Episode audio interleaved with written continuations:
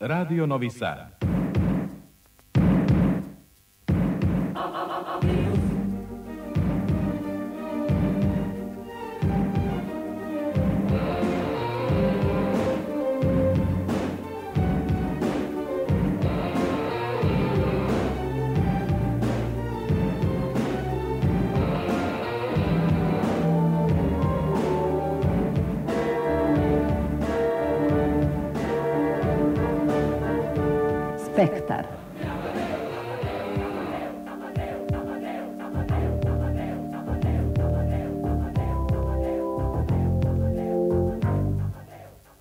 Spektar.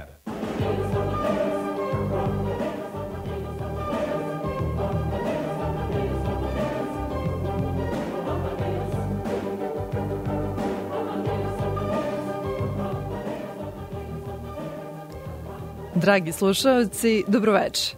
Ja sam Ivana Maletin Ćorilić i želim vam dobrodošlicu u Spektar, magazin za kulturu Radio Novog Sada. U narednih sat i po vremena pažnje ćemo posvetiti romanima koji su se našli u najužem izboru za Ninovu nagradu.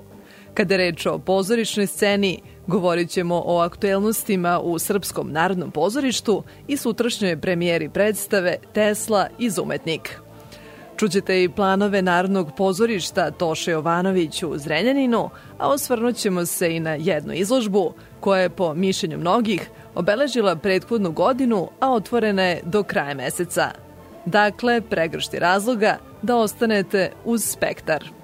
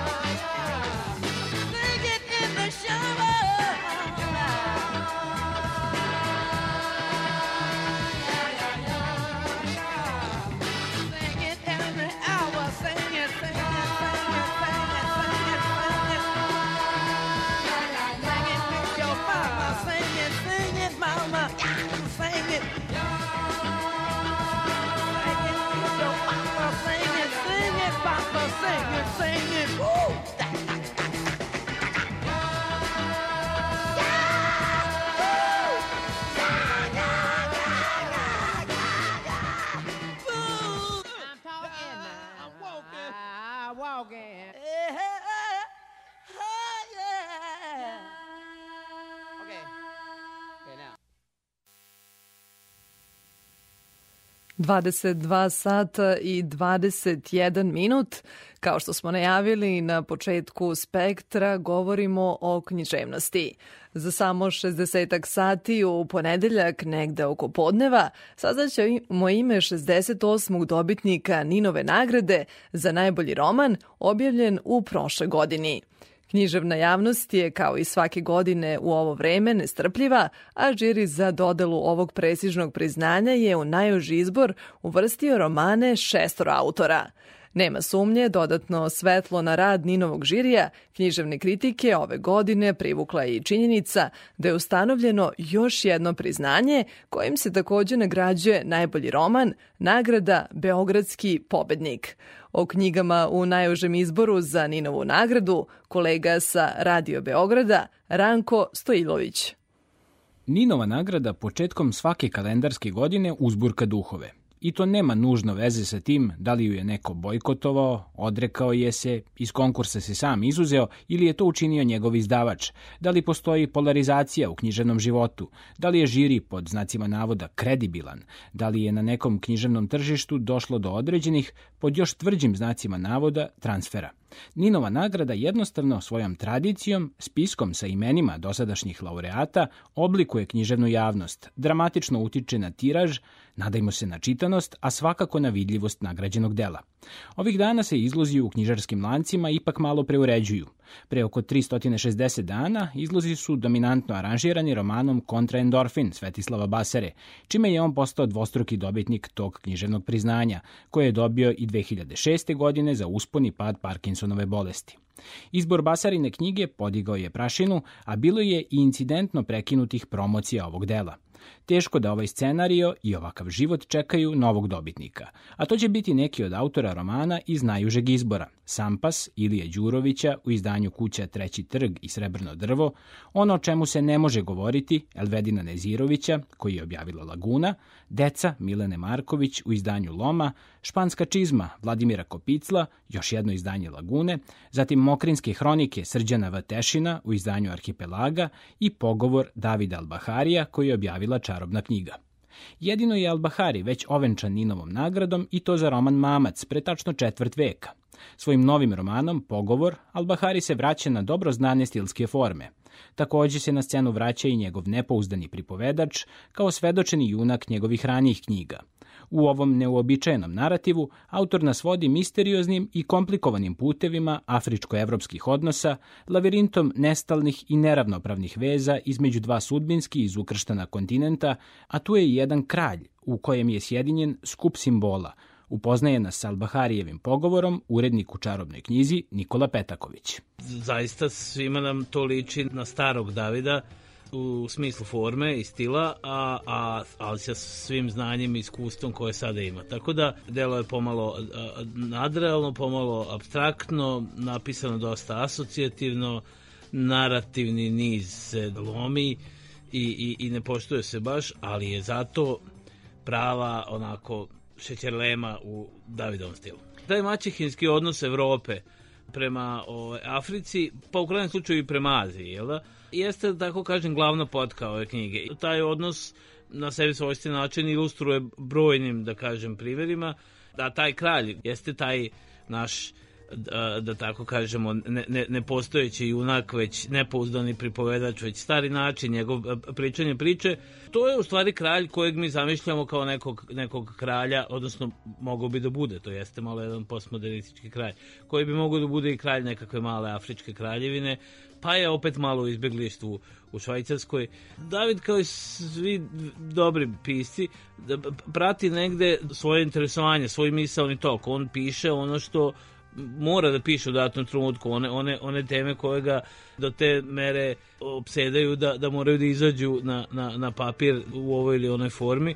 Svaki od tih romana je bio zasebna celina i svaki jeste bio neka tema koja je Davida kao vrlo, vrlo doznalog čoveka zanimalo u životu. Vladimir Kopicl obradovao nas je španskom čizmom, veselim romanom o mladiću koji 70. godina kreće sa devojkom u ekološku komunu u Austriji.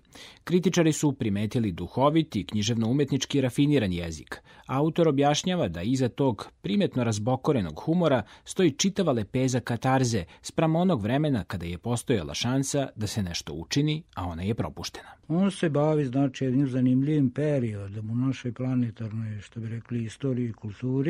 To su te kraj 60. i početak 70. godina prošlog veka, kad smo imali veliki posljednji pokušaj upravo u to vreme da se recimo negativnim planetarnim trendovima kaže stop i da iz jednog sveta kapitalističkog i inače vrlo tako direktivnog u kome su korporacije postale nove vlade, a planeta postala potrošni materijal, pokušamo da izgradimo nešto novo. To je ono što su bili ideali moje generacije i mi smo s time bavili kako u teoriji, tako i u praksi. Znači, otkud takav odnos, otkud humor, otkud ironija, Pa zato što smo svesni šta se posle desilo, mi danas živimo u jednom dobu koje je sasvim naopako i koje smo sami stvorili. Znači, ne zove se uzalud antropocen, znači to ovo novo doba, epoha, znači period u razvoju čovečanstva koji mi danas živimo je stvorio sam čovek, kvareći prirodu, kvareći sobstvenu prirodu, kvariti društvene odnose.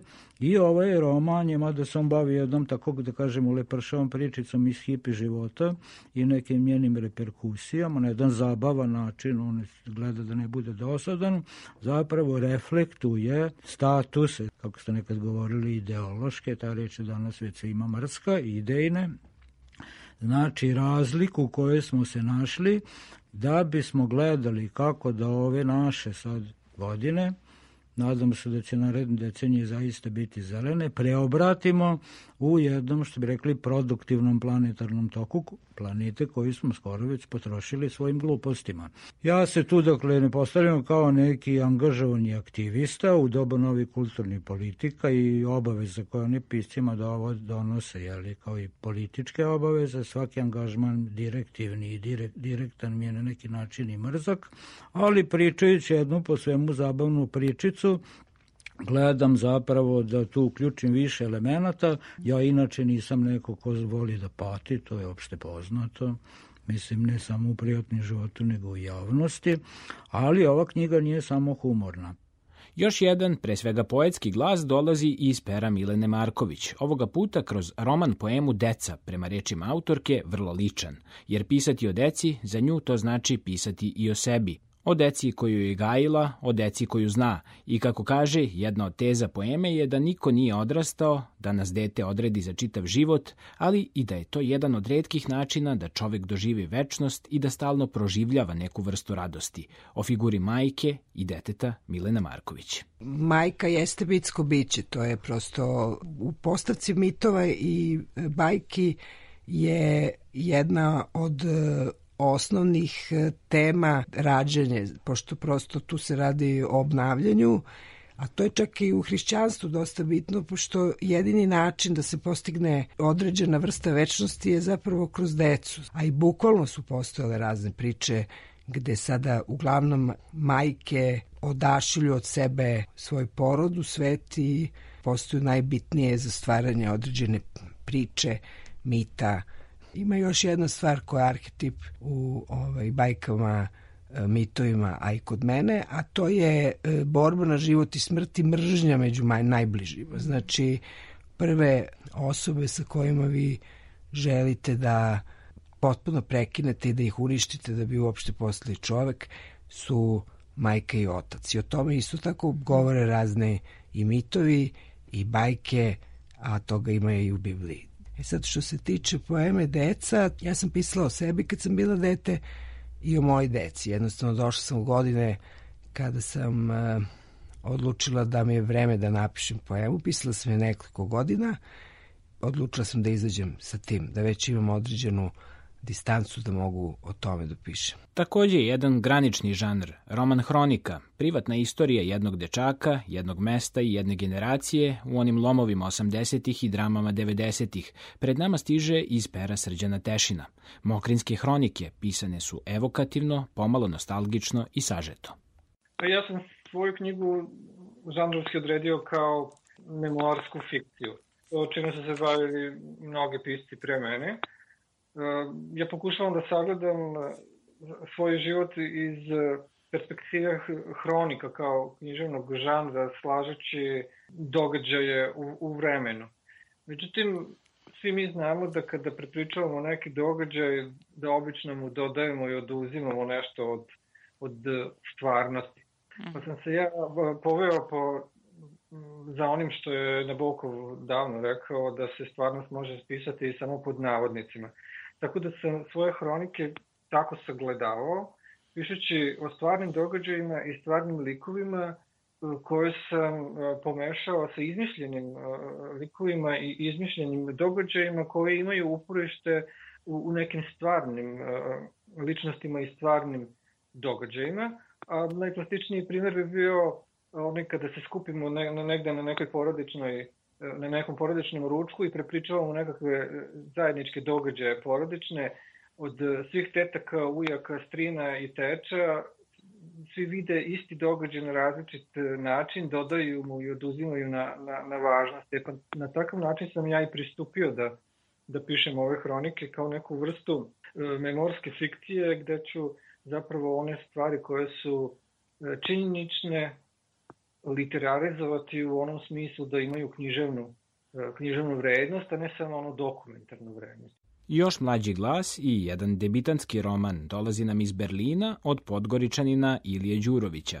Do sada je objavio dve knjige priča i jednu zbirku poezije, piše i drame i filmska scenarija. Sampas je njegov prvi roman, a eto ga odmah u najužem izboru za Ninovu nagradu. Roman bez tačke, koji trebi savremeni crnogorski, rasparčano jugoslovenski, odnosno balkanski kontekst. Zašto bez tačke, Ilija Đurović? To jeste e, roman rečenica, iako je mene takođe zanimalo da se to dovede u pitanje i da se ta najmanja jedinica mjere, da je tako nazovemo, čak možda pretvori u neku vrstu stiha, pa bi se ona mogla i zamisliti kao jedan beskrajni stih koji se ne zaustavlja, odnosno neka vrsta nazovimo je unutrašnje, unutrašnje pjesme bez kraja koja bi se onda kroz tu jednu rečenicu nastavila dok god priča traje. To je bio, nije bio cilj, niti je bio neki unaprijed smišljen postupak, ali se u procesu pisanja pokazao kao nešto što je mene vodilo dalje, priču vodilo dalje i tako je na kraju ostalo do kraja knjige. To je bila na neki način namjera ne napraviti nešto što služi samo meni i što je na taj način opterećujuće i upravo istovremeno je stvar vrlo klasična, da tako kažemo, u načinu na koji se ona prati od trenutka kad se čitalac prepusti strukturi takvoj kakva jeste. I zbog toga mislim da čak u tom podnaslovu postoji jedan jedan, nazovimo ga krivi trag da je u pitanju poema, poema puta, ali već na sljedećoj stranici čitavca se čeka prozni blok teksta i to je nekako iznevjereno očekivanje koje treba poslužiti kao model i poziv za dalje, da se jednostavno krećemo kroz taj, taj tekst ne, ne očekujući da ćemo naći baš naj logičnija rešenja, ali da očekujemo da nas taj tekst ipak vodi, odnosno da nas neko kroz njega vodi. Svojim prethodnim romanom Ništa lakše od umiranja, mostarski pisac Elvedin Nezirović je bio u užem, ne i u najužem izboru Ninovog žirija kritike. Sada je otišao i korak dalje, a opet vratio se motivima svog prvog romana Boja zemlje. Suočavanje sa sobom, sa sobstvenom prošlošću, sa okruženjem, sa gradom i njegovim nezalečenim ranama u srži su romana ono o čemu se ne može govoriti i o čemu nam Nezirović i govori i piše. Na neki način ono o čemu se ne može govoriti i jeste možda pregrubo reći, ali stoji zapravo ipak u, u izravnoj vezi sa mojim prvim romanom, to je Boja zemlje, i na neki način priča zapravo istu priču koja u izvjesnoj mjeri jeste autobiografija, u izvjesnoj mjeri jeste fikcija, odnosno ako je već zapravo moramo nekako žanrovski odrediti, rekao bih da je to autofikcija. I u suštini ono što je kao nekakav polazni motiv poslužio i za jednu i za drugu knjigu jeste činjenica da sam ja zapravo pišući tu e, knjigu pokušavao da raščistim možda neke stvari sa samim sobom e, u smislu da sam se e, skoro obsesivno bavio nekim životnim traumama nastojeći i sam sebi da razriješim određene dileme koje sam imao. Tako da je to u zbiru, kada se sve prenijelo a, i kada je sve postalo književni tekst, a, dalo zapravo takav rezultat kakav je dao. Ime dobitnice ili dobitnika 68. Ninove nagrade biće poznato u ponedeljak oko podneva na osnovu odluke žirija koji čine Marija Nenezić, Ivan Milenković, Marijan Čakarević, Branko Kukić i Teofil Pančić u svojstvu predsjednika.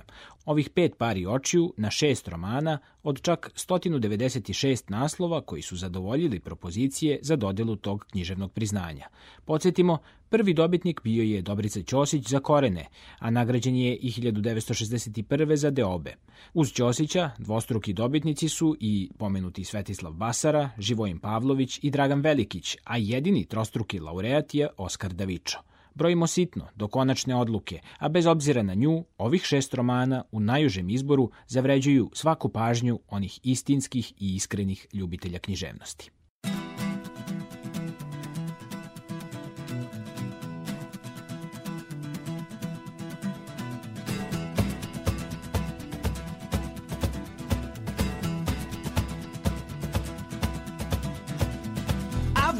Days away for what? For someone to say well done, for someone to say good job. Well, that's not for me. Don't need no one to hold my hand through this quest of life. See if I am wrong, or begrudge me if I'm right. But don't get me wrong at all, my friend. Your knowledge is in my head, and these stories are far too long, but intriguing, my friend. But why don't you piece what you can say? That thing at the back of your mind, that thing that's hacking away every day and every night.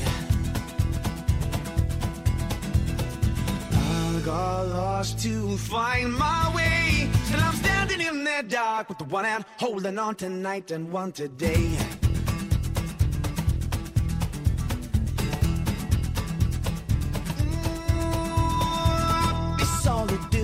You need, do with what you want. Leave it in your den if you don't need it in your bag. But I've got the view to get me home, the means to get me there. The fire in my soul and the lighter in my hand. And I'll desecrate what I've been told to listen to myself. I'm my one and only man who can make me who I am. But you toss a coin to pick my path, to even out my odds. to face the leaves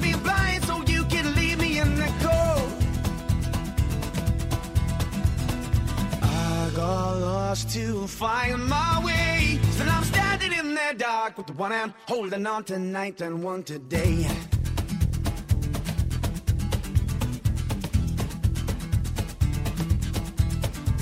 Slow walking, I take my time to reach the kind of slow talking. Only thing that slows me down from fast thinking. Through the day I missed the way I was. Closer. Nothing matters when you're out. You're not living. Do you let your feelings go then? Tight fisted. No expression face you have won't work.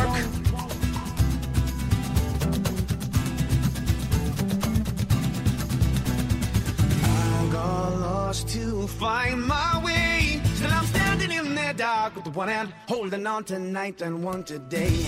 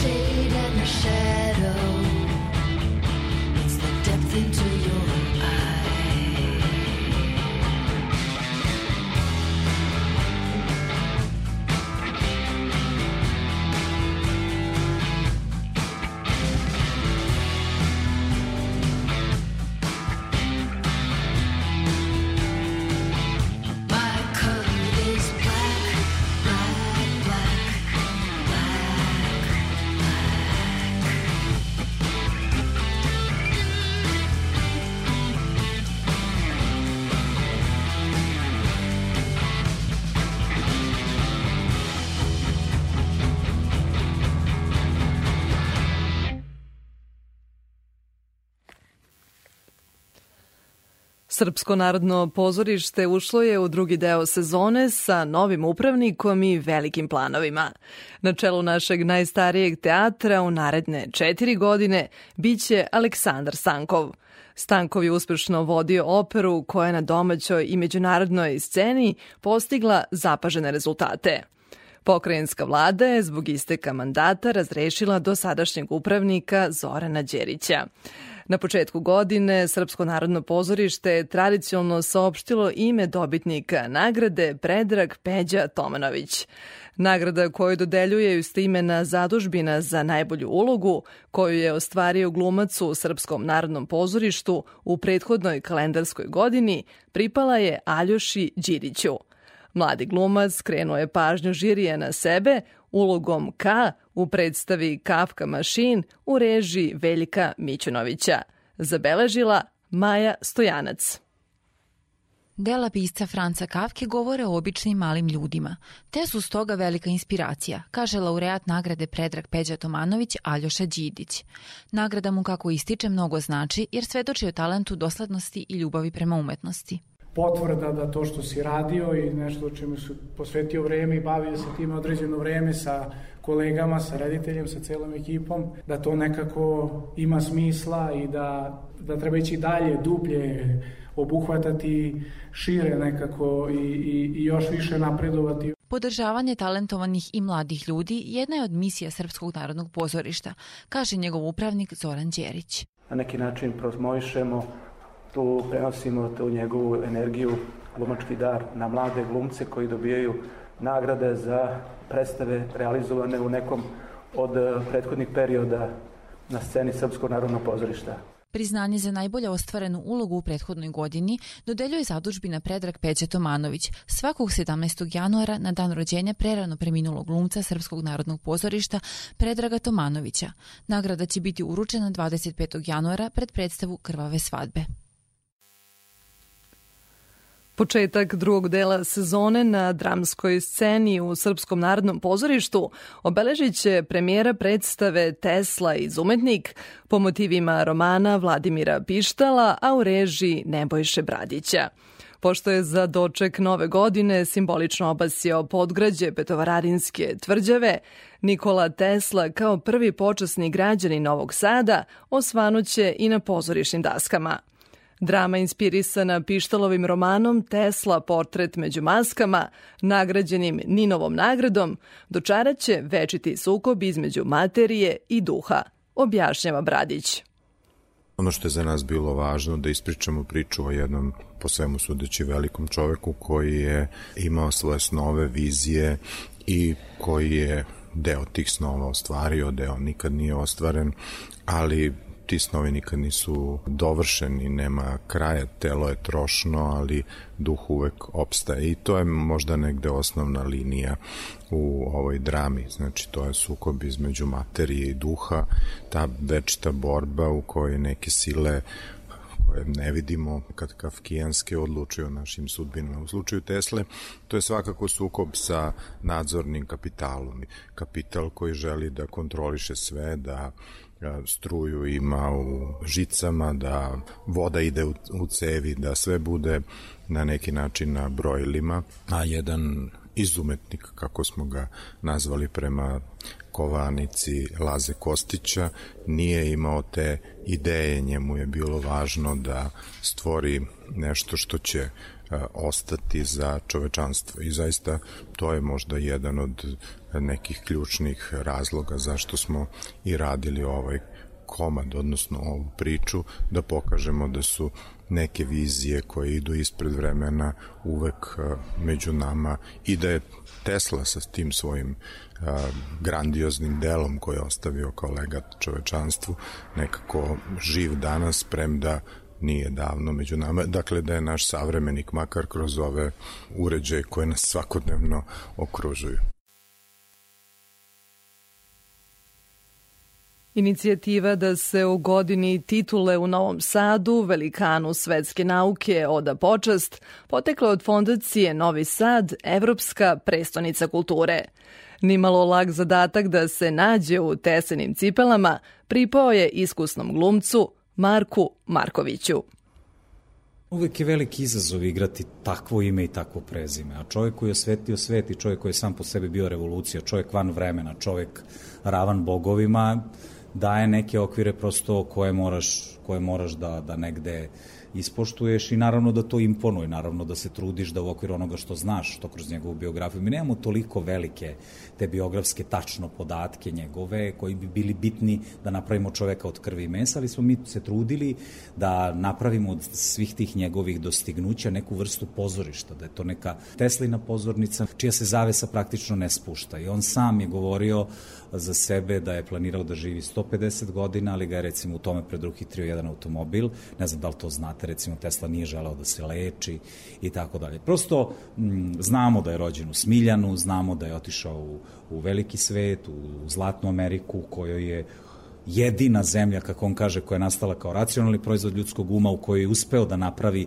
to što je napravio. Da je ostao ovde, on bi ostao samo jedan pronalazač, verovatno bi završio za šankom ili negde na nekom bečkom dvoru kao, eto, neki pronalazač, a dete koje skupi 10 gundelja i gurne grudvu od koje pomalo ne sruši ceo smiljan, je morao da ode u taj svet i da tamo završi to, taj svoj put koji još uvek traje. Premijera predstave Tesla iz Umetnik zakazana je za sutra u 19 časova i 30 minuta na sceni Pera Dobrinović, a repriza za 7. februar.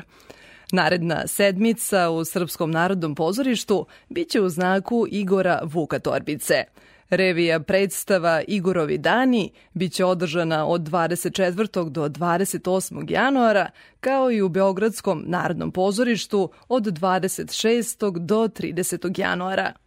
O naslovima koji će se naći pred novosadskom publikom i tragu koji je mladi reditelj ostavio, govori direktor drame Srpskog narodnog pozorišta Milovan Filipović.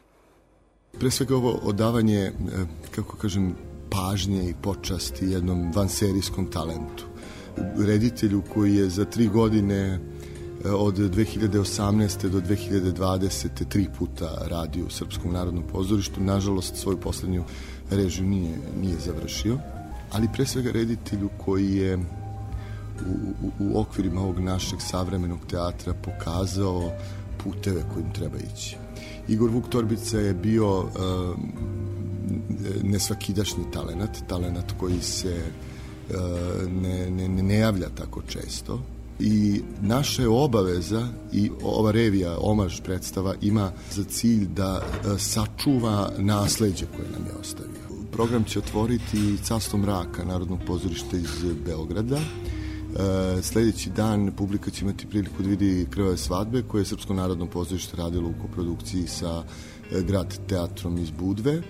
E, zatim e, Don Juan Narodnog pozorišta Toša Jovanović iz Renjanina. E, naše drage kolege iz Bitoljskog teatra dolaze sa predstavom Bakke ili kratak pregled raspada i e, manifestacija se završava predstavom Tartif koju smo radili u koprodukciji sa Narodnim pozorištem iz Sombora.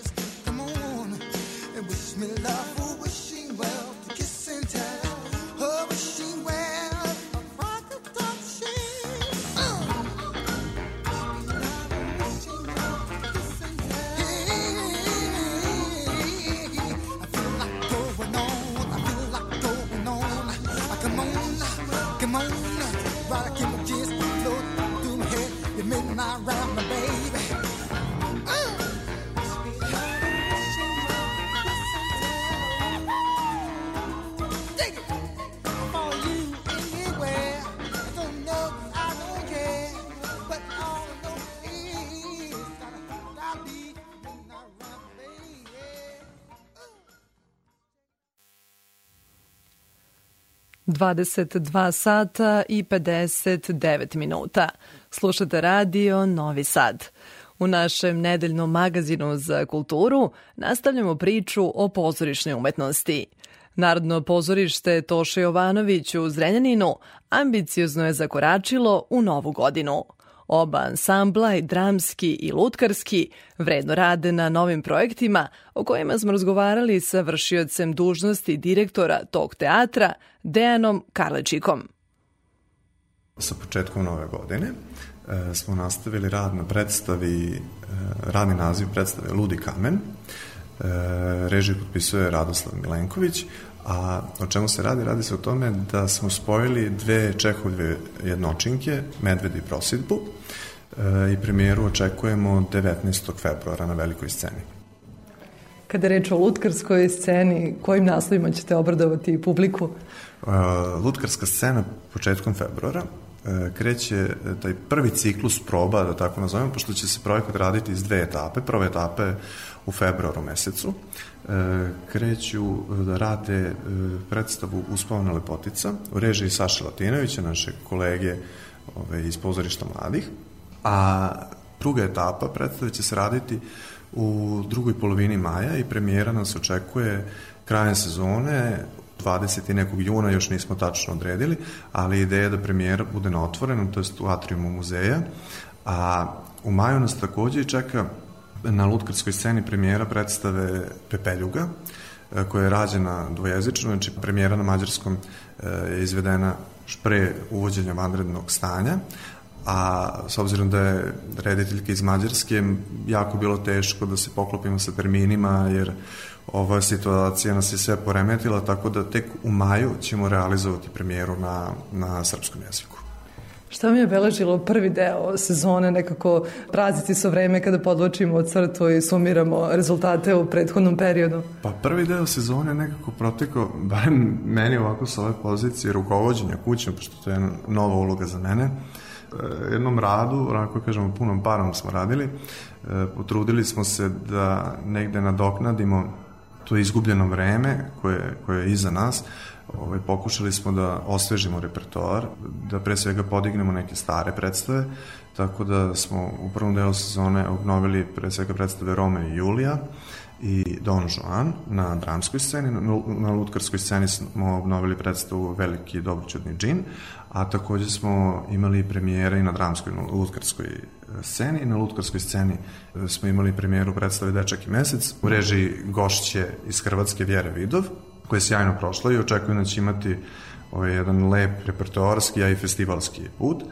A na dramskoj sceni smo imali premijeru teksta Dečko iz posljednje klupe, Juana Majorgi u režiji mlade rediteljke Tijene Vasić, koja onako, ja mislim, e, pomerila negde granice našeg repertoara, nešto novo, jedan novi žanr, da kažem, pomalo i jedna psihološka drama, jedan psihološki thriller sa elementima komedije, nešto na što naša publika možda do sada nije ovaj, navikla, ali pozorište pre svega ima tu ulogu i da zabavi, ali i da edukuje svoju publiku, a mislim da grad kao što je Zrenjanin zaslužuje jedno klasično, jedno moderno pozorište, da kažem tako dva u jedan.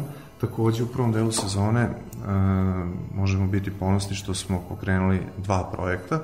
Jedan se zove Škola u pozorištu, Ideja je bila da e, jednom nedeljnom matine terminu igramo predstave e, za srednjoškolce, tako da smo to dobrim delom uspeli da realizujemo s obzirom na celu ovu situaciju, a drugi projekat koji smo pokrenuli je Škola za publiku. To je autorski projekat Ljubice Ristovski, koja je kroz 8 nedelja jednu grupu od 25 polaznika poznavala sa svim segmentima rada na pozorišnoj predstavi. Znači, od režije, dramaturgije, glume, scenskog pokreta, koreografije, scenografije, kostimografije, primenjene muzike. Mene je pre svega bilo drago što je, smo imali veliki odziv, da je ono, za manje od 24 časa smo imali viš, skoro 50 prijavljenih ovaj, polaznika, tako da nismo mogli sve da ih prihvatimo, jer jer e, je negde rad određen da samo 25 ljudi može bude u toj grupi, ali smo zato ostali dužni da i u ovom prolećnom periodu realizujemo još jednu školu za publiku, što mislim da je da je jedan veliki pomak u našem radu, s obzirom da taj projekat do sada su imali samo kao gradovi Subotica i realizovan je u Beogradskom ateljevu 212. Takođe, pored redovnih igranja, imamo i organizovane igranja i na lutkarskoj i na dramskoj sceni. Nažalost, ove godine nam je, to u ovoj sezoni nam je opet izmakla dečija nedelja, ali verujem da ćemo od jeseni opet moći da organizujemo, ali imali smo opet neke škole koje su dolazile da gledaju ove, lutkarske predstave, imali smo novogodišnji program koji je super prošao, dakle, za mališane, ove, učestvovali smo e, u, u saradnji sa ovaj, humanitarnim organizacijama. Pre svega pomogli smo ovaj, udruženju koje se bavi decom koji imaju cerebralnu paralizu, poklonili smo jednu novogodišnju predstavu, a 30. decembra smo ovaj, kao poslednju predstavu u godini odigrali osam žena koja je bila poklon e, medicinskom osoblju i volonterima Crvenog krsta koji su prethodne dve godine, da tako kažem, bili na prvoj liniji fronta odbrane od COVID-19.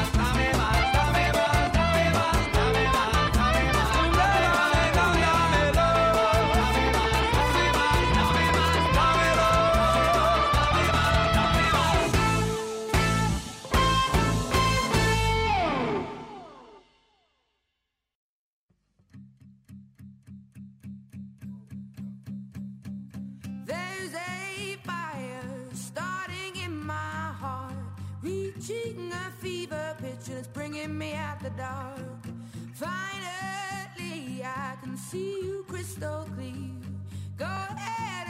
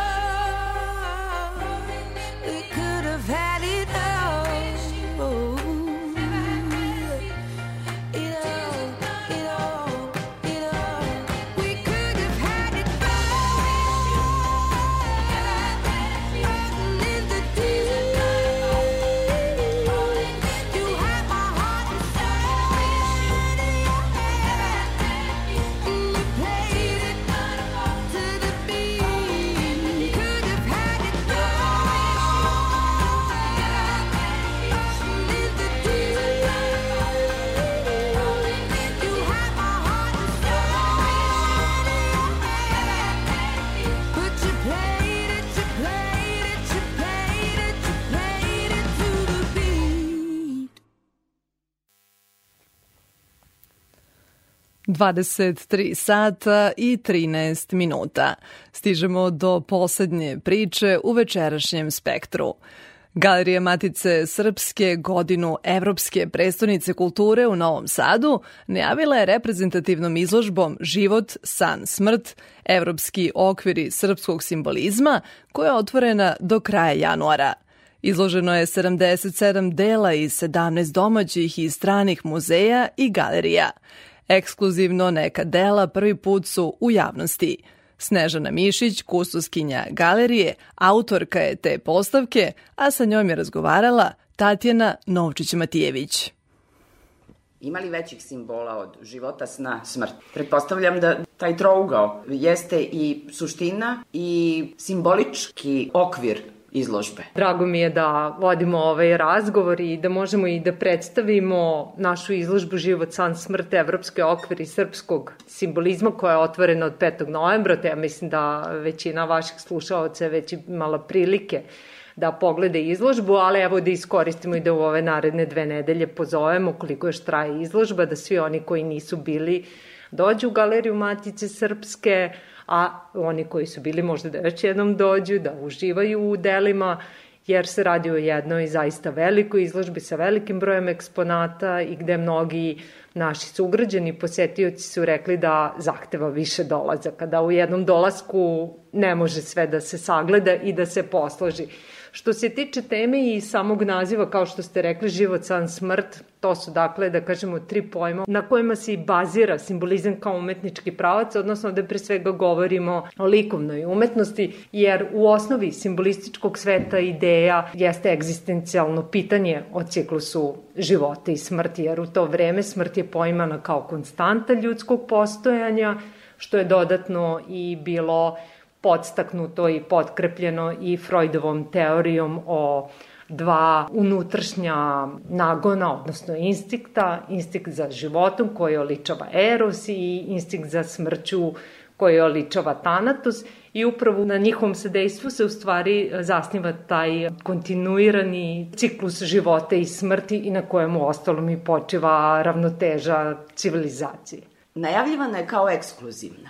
Zašto? Pa ekskluzivno ja volim da kažem da smo mi u Galeriji Matice Srpske izuzetno ponosni na ovu izložbu jer jeste jedna od uh, najreprezentativnijih i najvećih izložbi koje smo u poslednjih nekoliko decenija realizovali. Kada kažem najveća, ne mislim samo po broju izloženih uh, dela, dakle po broju je. eksponata, njih je 77, već i po broju umetničkih kolekcija. Naime, na ovoj izložbi su umetnička dela iz 17 muzejskih kolekcija, najveći deo jeste iz naše zemlje, ali tu su i dela iz hrvatskih muzeja i ono što čini tu posebnu, da kažemo, ekskluzivu, jesu dela iz Bečke galerije Belvedere sa kojom galerija po prvi put sarađuje. Nadamo se da će se ta saradnja nastaviti, a to nam je posebno važno jer uh, su oni prepoznali u nama svoje partnere, jer bilo koji evropski veliki muzej ili galerija zahteva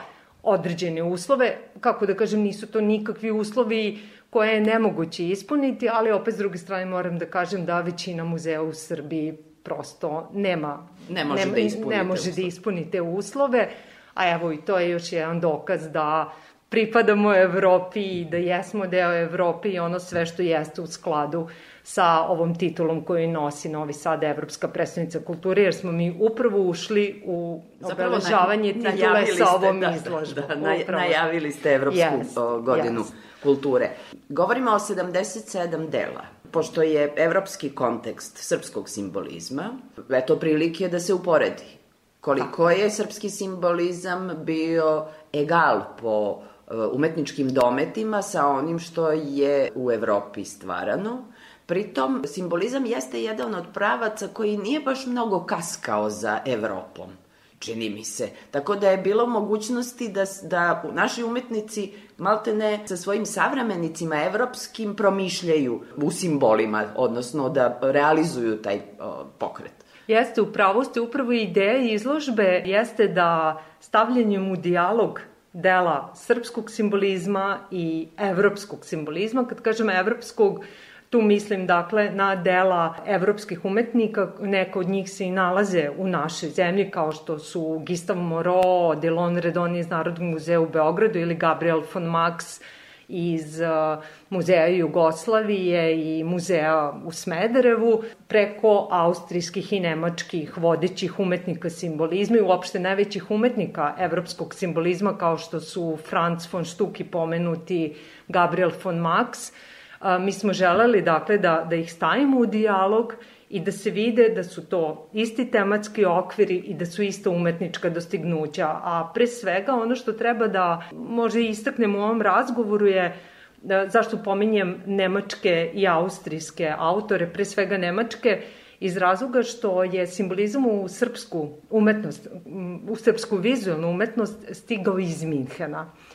Čuvena, ne iz Francuske. Čuvena minhenska škola. Yes, ne iz Francuske gde je on, da kažemo, ori, gde su njegovi koreni, originalni koreni, već iz Minhena, upravo iz razloga što su u poslednjim decenijama 19. veka srpski umetnici uglavnom odlazili u Minhen, studirali na Minhenskoj likovnoj akademiji, gde su i profesori bili promenuti Franz von Stuck i Gabriel von Max i tako da su oni prihvatali te ideje, donosili u svoju sredinu, ali još jedna stvar koja je e, koju treba da istaknemo, a to je da je simbolizam kod većine srpskih autora, srpskih umetnika, bio samo jedna faza u njihovom umetničkom stvaralaštvu, što se ovde može i videti, pa se mnogi iznenade naši posetioci kada vide Nadeždu Petrović, jer je možda na prvi mah ne bi povezali sa simbolizmom. Đorđe Krstić, kojeg opet nekako više vezujemo za, za realizam, to su ta neka uvržena mišljenja, dok je recimo u slikarstvu samo dvojice umetnika Leona Koena i Stevana Aleksića simbolizam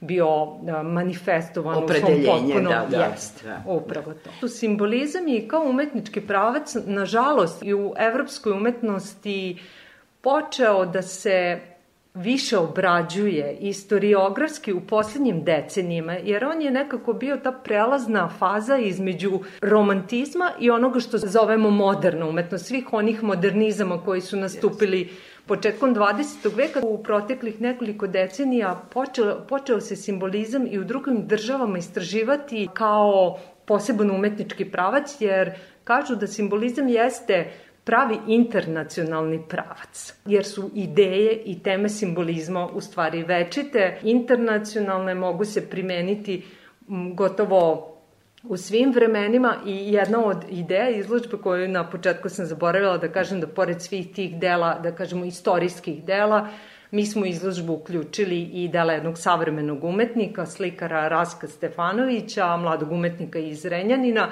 jer smo upravo želeli da ukažemo na kontinuitet i tu večitost ideja simbolizma. I možemo i da napravimo tu paralelu, evo jer smo i mi svedoci i akteri smene vekova. To je nešto što je iznedrilo simbolizam. Poslednje decenije 19. veka to je vreme krupnih, dramatičnih promena, političkih, na istorijskom, političkom, društvenom, kulturnom planu, modernizacija, urbanizacija, industrializacija, sve je to dovelo do toga da se tadašnji čovek počeo osjećati nesigurno, sa velikim strahom i neizvestnošću kako ga budućnost čeka počeo se povlači u sebe, opet sve se to poklopilo sa tom smenom vekova koja se tumačila kao kraj civilizacije. U osnovi, Svedočimo sličnom nečemu. Slično, da, jeste, da, da. to je te, evo sad kad ju uporedimo još ovo što nas je zadesilo protekle dve godine sa koronom, to je zaista ta neizvesnost i stalnost u nekom međuprostoru, Tako da to je to, život, san, smrt, da, da, da.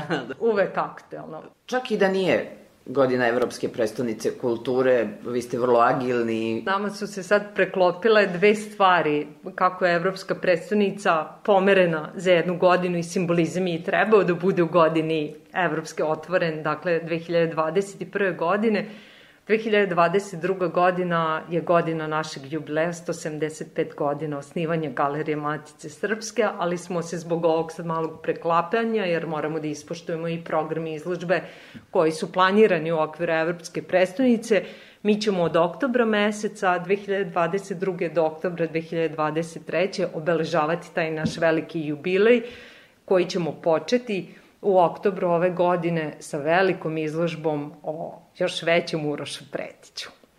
Za Radio Novi Sad govorila Snežana Mišić, kustoskinja galerije Matice Srpske, autorka izložbe Život, san, smrt, evropski okviri, okviri srpskog simbolizma. Save me from drowning in the sea. Beat me up on the beach. What a lovely holiday. There's nothing funny left to say.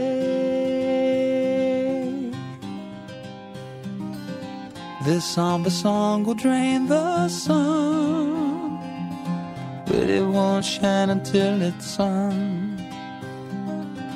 No water running in the stream, the saddest place we've ever seen.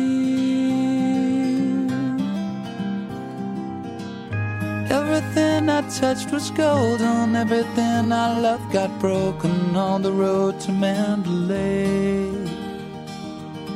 Every mistake I've ever made has been rehashed and then replayed as I got lost along the way.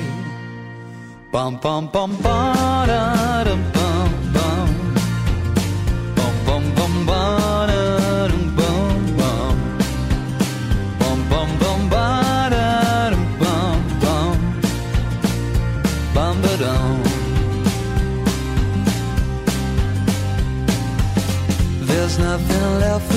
to give. The truth is all that you're left with. Twenty paces, then at dawn, we will die and be reborn. I like to sleep beneath the trees, have the universe at one with me. Look down the barrel of a gun feel the moon replace the sun.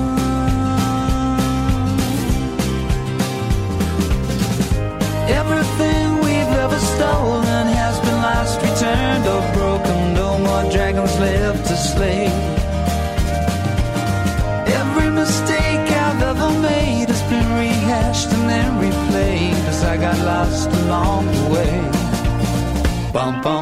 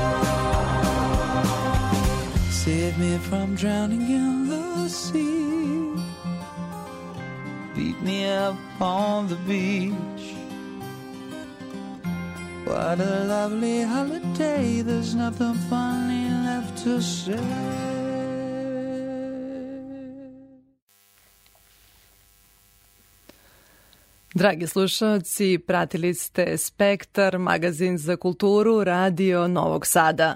Sa novim pričama o događajima i ljudima koji kreiraju savremenu kulturnu scenu, čekamo vas narednog petka. Moje ime je Ivana Maletin Ćorilić i u ime ekipe koja je realizovala emisiju želim vam prijetan vikend.